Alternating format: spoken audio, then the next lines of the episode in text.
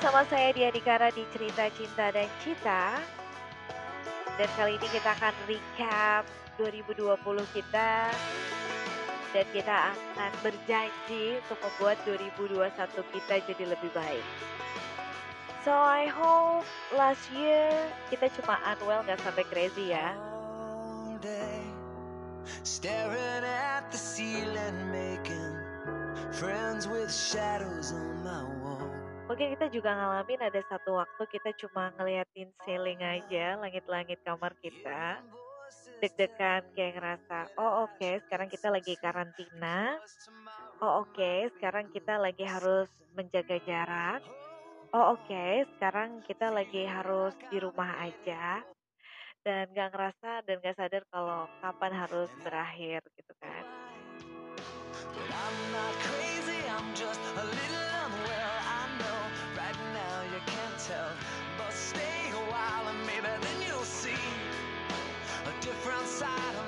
Jadi mungkin karena karantina kemarin, karena pandemi ini juga, kurasa kita jadi bisa melihat diri kita jadi lebih berbeda.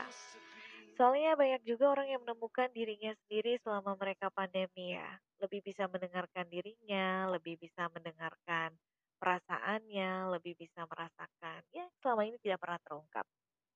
Banyak yang menemukan hobi barunya, banyak menemukan cintanya mungkin dengan keluarga, tapi tidak banyak banyak juga yang menemukan perpisahan gitu ya.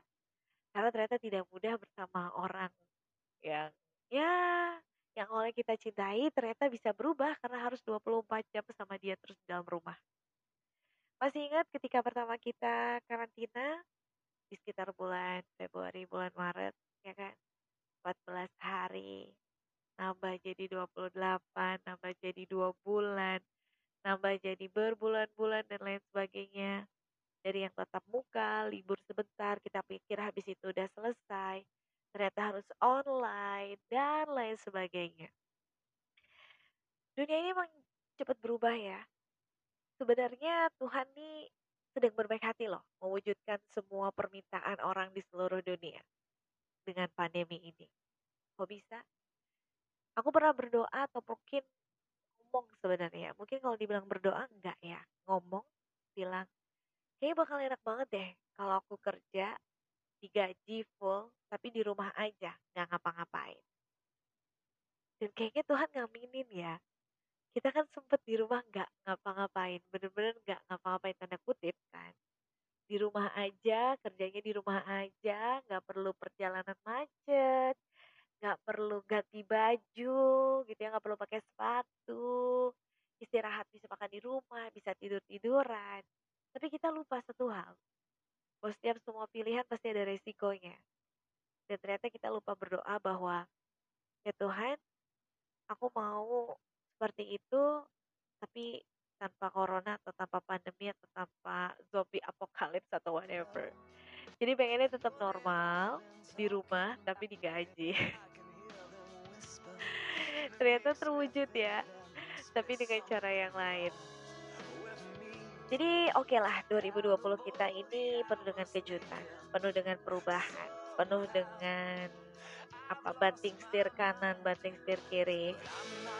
Mungkin juga almost crazy, tapi kita masih punya chance kok. Alhamdulillah kita diberi kesempatan dan diberikan kesehatan sehingga kita bisa menyongsong 2021 dengan harapan dan juga doa yang lebih baik dari sekarang.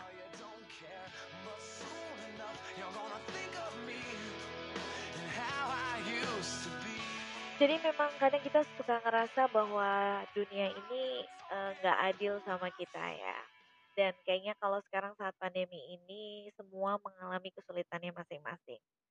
Percaya atau enggak, di awal tahun 2020 bahkan sebelum pandemi, sebuah hantaman besar menabrak saya ya, ibaratnya meteorit. Jadi aku mau share sedikit, aku sempat ngalamin sedikit permasalahan. Ini mindset ya, aku bilangnya sedikit. Sedikit permasalahan tentang kesehatan mental. Yes, I come to psikiater, ke psikolog, dan harus mengalami terapi beberapa kali.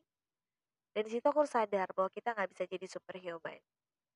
Kita harus sadar bahwa kita nggak bisa maruk untuk bisa dapetin semuanya dan selalu tampil yang terbaik.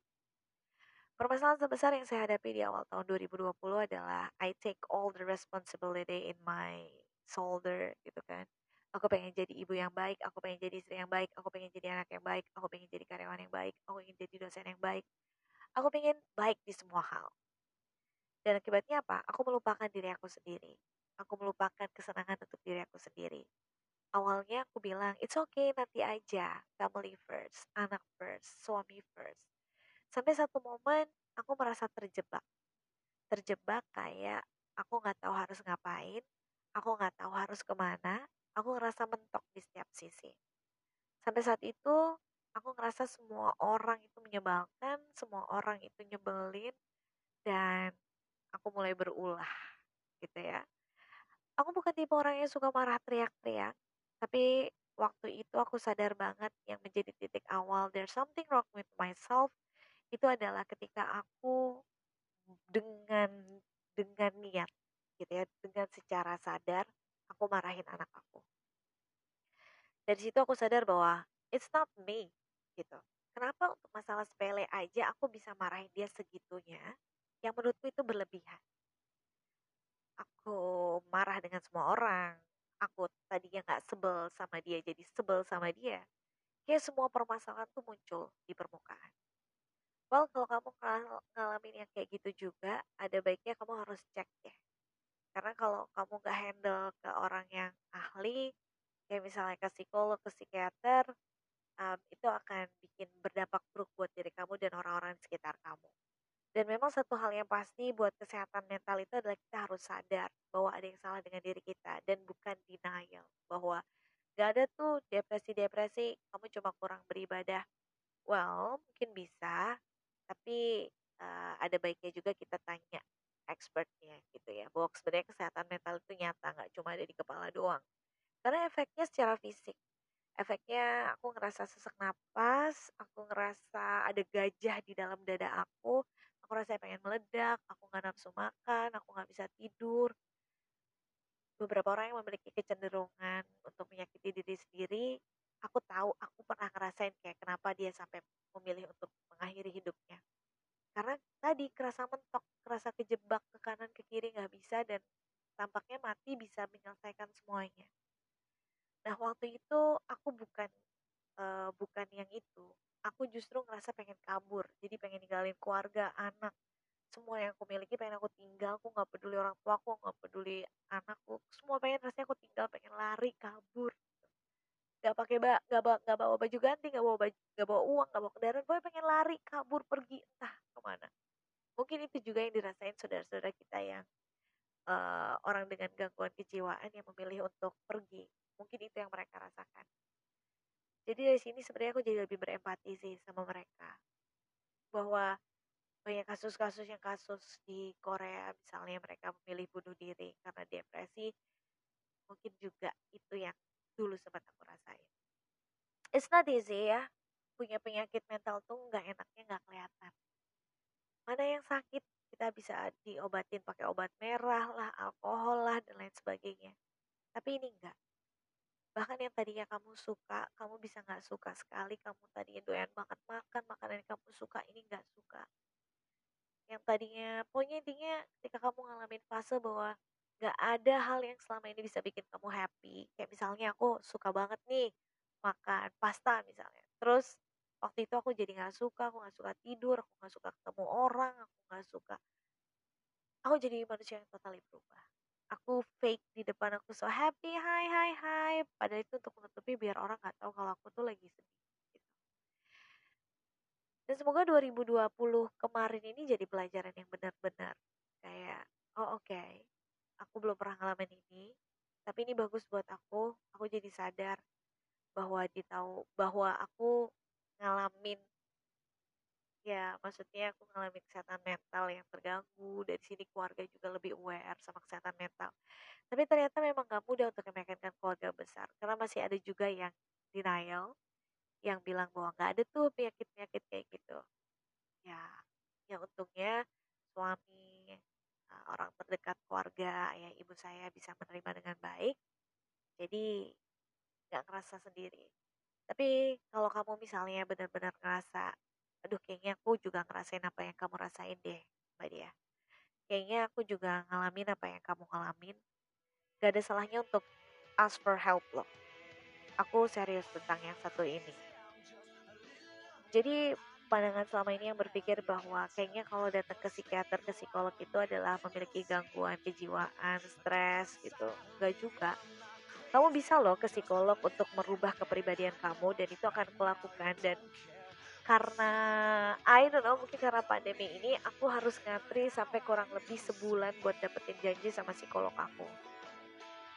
Aku mau merubah diri aku gitu karena ketika seseorang yang sudah pernah sekali kena serangan ya serangan gangguan kejiwaan itu bisa terkenal lagi dan akan sangat mudah buat dia untuk kumat tanda petik jadi kalau kamu pernah dengar nih kumat nih nggak minum obat. Yes itu bisa saja terjadi jadi sebenarnya nggak usah jadi lelucon ya dan uh, jangan juga untuk bilang aku depresi nih bla bla bla bla karena yang bisa ngomong itu hanya psikiater atau orang-orang yang expert di sana ya. So, kalau kamu ngerasa tahun 2020 kamu ini benar-benar bikin kamu gak unwell lagi mbak, it's totally mess gitu ya. Kita perbaiki yuk, pieces demi pieces kita. Kita susun kembali pieces demi pieces kita.